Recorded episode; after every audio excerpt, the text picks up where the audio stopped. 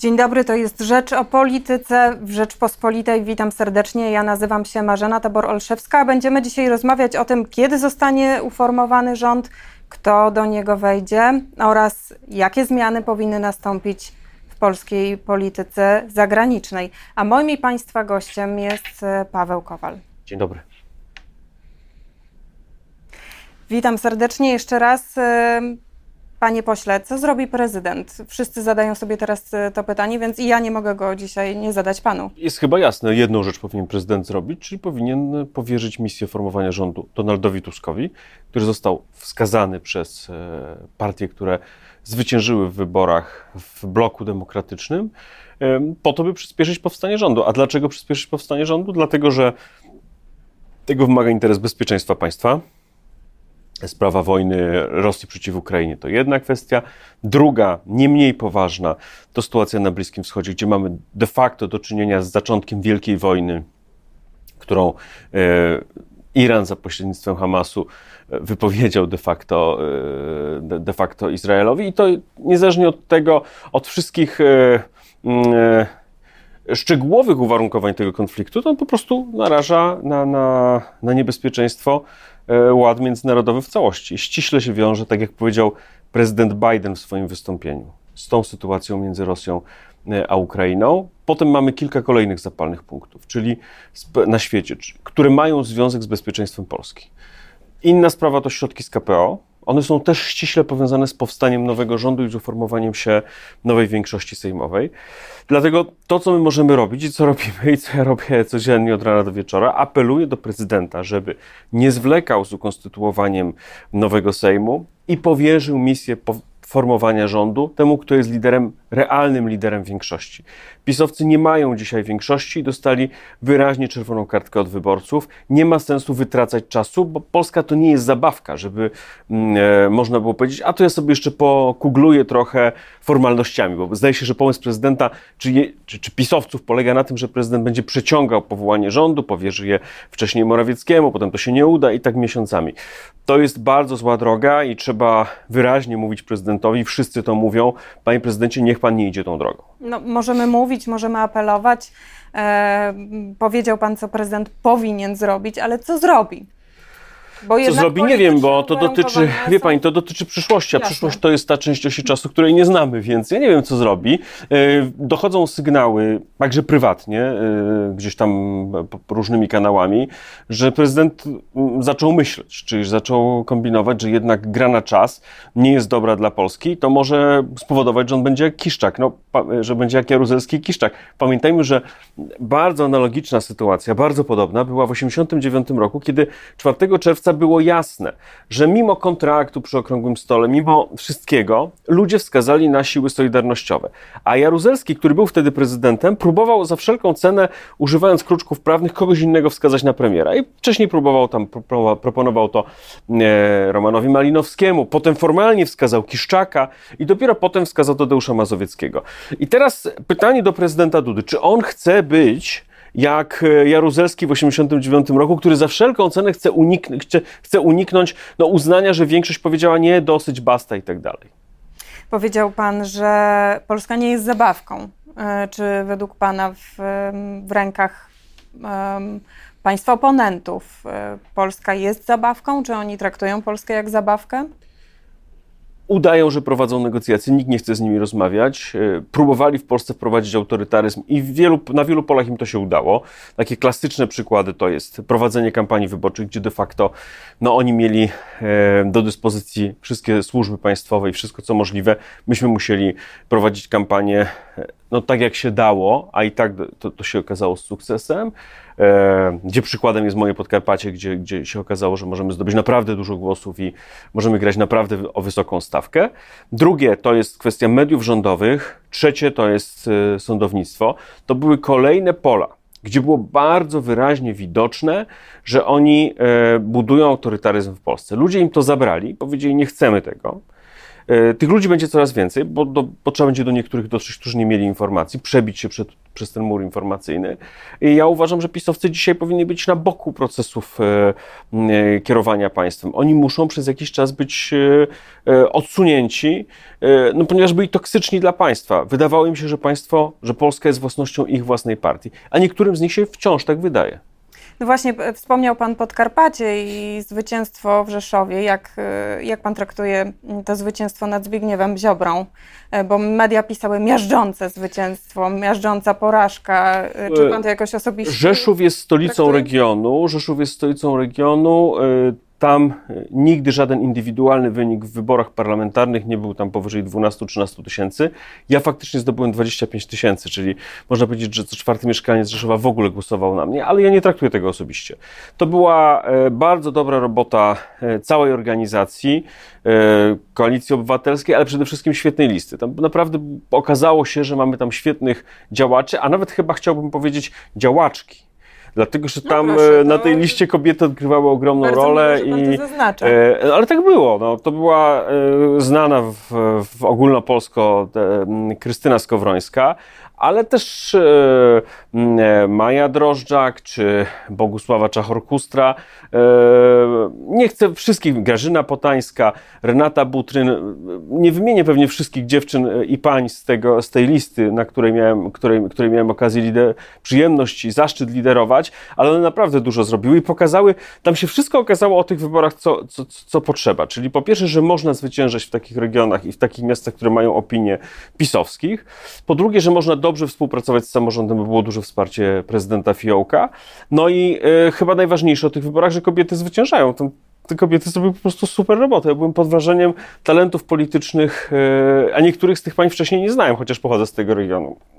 Duża rzecz. Więc nie biorę tego osobiście, to jest y, zespół. E, czy to znaczy, że kobiety będą bardziej widoczne w, w, tej dużej polityce w najbliższym czasie? Znaczy, mnie ta kampania przekonała, że tak powinno być. Mm, e, nie biorę udziału w e, formowaniu rządu i tak dalej, więc nie chcę się wypowiadać w takich kwestiach. Mam nadzieję, że tak będzie, ale to już w tej kampanii się zaznaczyło. Znaczy, bez wątpienia kobiety były napędem tej kampanii i napędem zmiany. I, i, i tego już nikt nie cofnie w polskiej polityce. No i Bogu dzięki. Myślę, że to najwyższa pora i najwyższy czas. E, panie pośle, mm, co będzie trzeba posprzątać e, w sprawach polityki zagranicznej po e, tych ośmiu latach rządów PiS? Przypomnieć sobie, do czego jest polityka zagraniczna. Ona jest do realizacji polskiej racji stanu. I, i od tego wyjdźmy. Co to oznacza? To oznacza, żeby zagrać na miarę aspiracji Polaków, to trzeba koniecznie widzieć w kontekście ubiegłego roku, czyli powstania humanitarnego, kiedy Polacy powiedzieli: Mamy e, dość ruskich rządów. Jeżeli Ruscy atakują Ukrainę, to my przyjmujemy Ukraińców i okazujemy serce. To dało nam ogromny kapitał.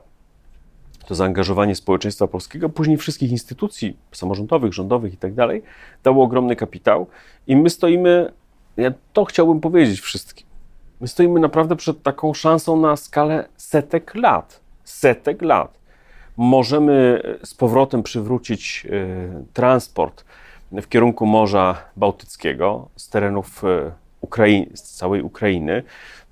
Y, także mam nadzieję tych terenów, które dzisiaj są pod okupacją rosyjską. Mam nadzieję, że niedługo tak już będzie. Mamy okazję zbudować dużą infrastrukturę i na terenie Podkarpacia, ale to dotyczy całej Polski. Możemy zarabiać, tworzyć miejsca pracy, polskie porty. Weźmy to wszystko pod uwagę. Mój przekaz jest taki: nie przegapmy historycznej szansy, która się e, pojawiła przed Polską. Aferę wizową trzeba będzie posprzątać? Teraz są ten, znaczy ja, ja uważam, że po pierwsze trzeba pokazać szansę, nie? czyli szansę to jest wrócić do głównego stolika rozgrywających e, w Unii Europejskiej, to jest możliwe. Dzisiaj Donald Tusk pojechał i też ten symboliczny gest, że jedzie kursowym e, samolotem po prostu do Brukseli. Drugie, e, skorzystać z tego, no, ze skutków wojny. Wojna jest nieszczęściem, ale potem są skutki, one powodują wielką zmianę. A inna sprawa to porozliczać najważniejsze afery, z których, jeżeli chodzi o służbę zagraniczną, e, najbardziej spektakularna i najgroźniejsza dla polskiego bezpieczeństwa pewnie jest afera wizowa, więc ona powinna być wyświetlona, rozliczona ze wszystkimi skutkami e, prawnymi, także dla osób, które w to były zaangażowane, ewentualną korupcję itd., tak itd. Tak Ale to nie tylko to. polska polityka zagraniczna, polska polityka zagraniczna została e, najbardziej osłabiona, jest w największym kryzysie po 1989 roku. I to ma wiele aspektów. To, że dzisiaj nie mamy inicjatywy e, na arenie międzynarodowej, mimo tych e, asetów, o których mówiłem, czyli e, przykładowo właśnie zaangażowania polskiego społeczeństwa rok temu, to oznacza, że polska polityka zagraniczna próbowała stanąć na drodze głosowaniu Polaków na świecie. To jest niepojęte w ogóle. Na szczęście to się udało, ale robili wszystko, żeby tak ułożyć kwestię wyborów, żeby Polaków odciąć od głosowania. To jest kwestia przede wszystkim KPO. Nie lubię słowa KPO, bo lubię mówić o dużych środkach na ochronę zdrowia, na mm, transformację energetyczną. Jesteśmy blisko tego też. To nam chcieli zabrać.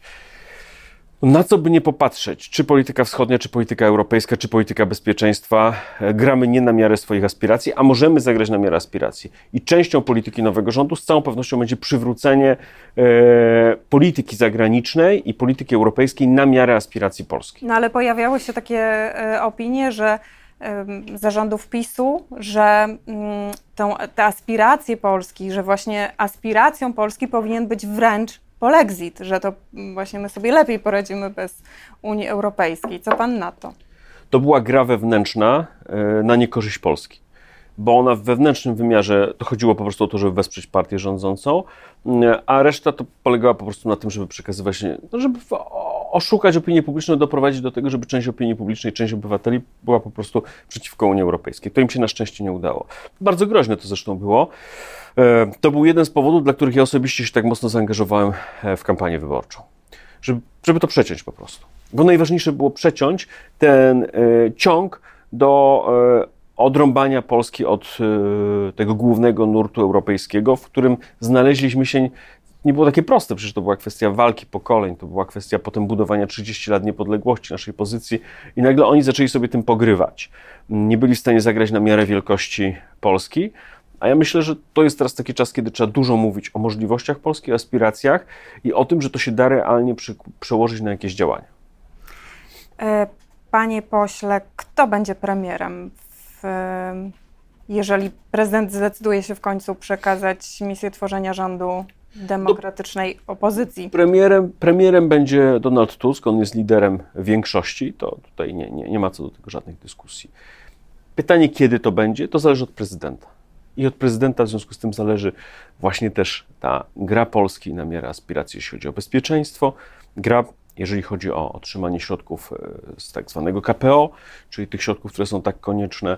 E, często daję ten przykład, ale celowo go daję, żeby pokazać, że pisowcy tak zaniedbali pewne rzeczy, że na przykład, na przykład Glapiński, który jest szefem Narodowego Banku Polskiego i jest de facto e, człowiekiem PiSu przecież, on się śmiał z tych pieniędzy z KPO, a ja jednocześnie jeździłem w kampanii e, i widziałem, że w tak dużym mieście jak Tarnobrzeg nie ma oddziału wewnętrznego w szpitalu, a w związku z tym nie ma SOR-u, że ludzie na poziomie takiego elementarnego bezpieczeństwa zdrowotnego e, no, mają powody się obawiać, nie, nie, nie są zaopiekowani. I już nie miałem wtedy wątpliwości, że, że oni przegrają te wybory. Dlatego, że tak duży był rozdźwięk między tą ich butą, którą prezentował e, na przykład Glapiński, a tym, co się realnie stało. Myślę, że jest czas na nowe otwarcie i na, na, na, na, pokazanie Polakom, że Polska jest dla wszystkich. Uczenie konstytucji od, od szkoły podstawowej, tak jak jest w Ameryce, e, pokazanie piękna naszej kultury jako czegoś uniwersalnego, które łączy wszystkich Polaków. Na tym będzie polegała ta zmiana. To też będą te elementy, które moim zdaniem silnie się zaznaczą w tym rządzie, który powstanie. Muszę o to zapytać, czy to według Pana w ogóle jest możliwe, żebyśmy jeszcze kiedykolwiek byli w jakiejś sytuacji razem, jako jedna, jeden, no niepodzieleni, niespolaryzowani, bo ten podział wydaje się teraz e, tak mocny, tak ostry. Mm, po kolejnych wyborach znowu jesteśmy na pół, znowu nawet na mapie Polski widać po prostu. Nie, bez przesady. Moje doświadczenie z kampanii wyborczej i po kampanii jest takie. Jedna sprawa to są pisowscy politycy, którzy chcieli ukraść Polskę. Druga sprawa to są wyborcy. Ja do wyborców miałem zupełnie inny stosunek. Znaczy, dyskutowałem, przekonywałem, e, serdecznie się witałem, żegnałem. Czułem, że e, nie zawsze ich przekonam, ale że oni muszą mieć pewność, e, że jeżeli ja zostanę wybrany, to będę też w jakimś sensie ich reprezentował.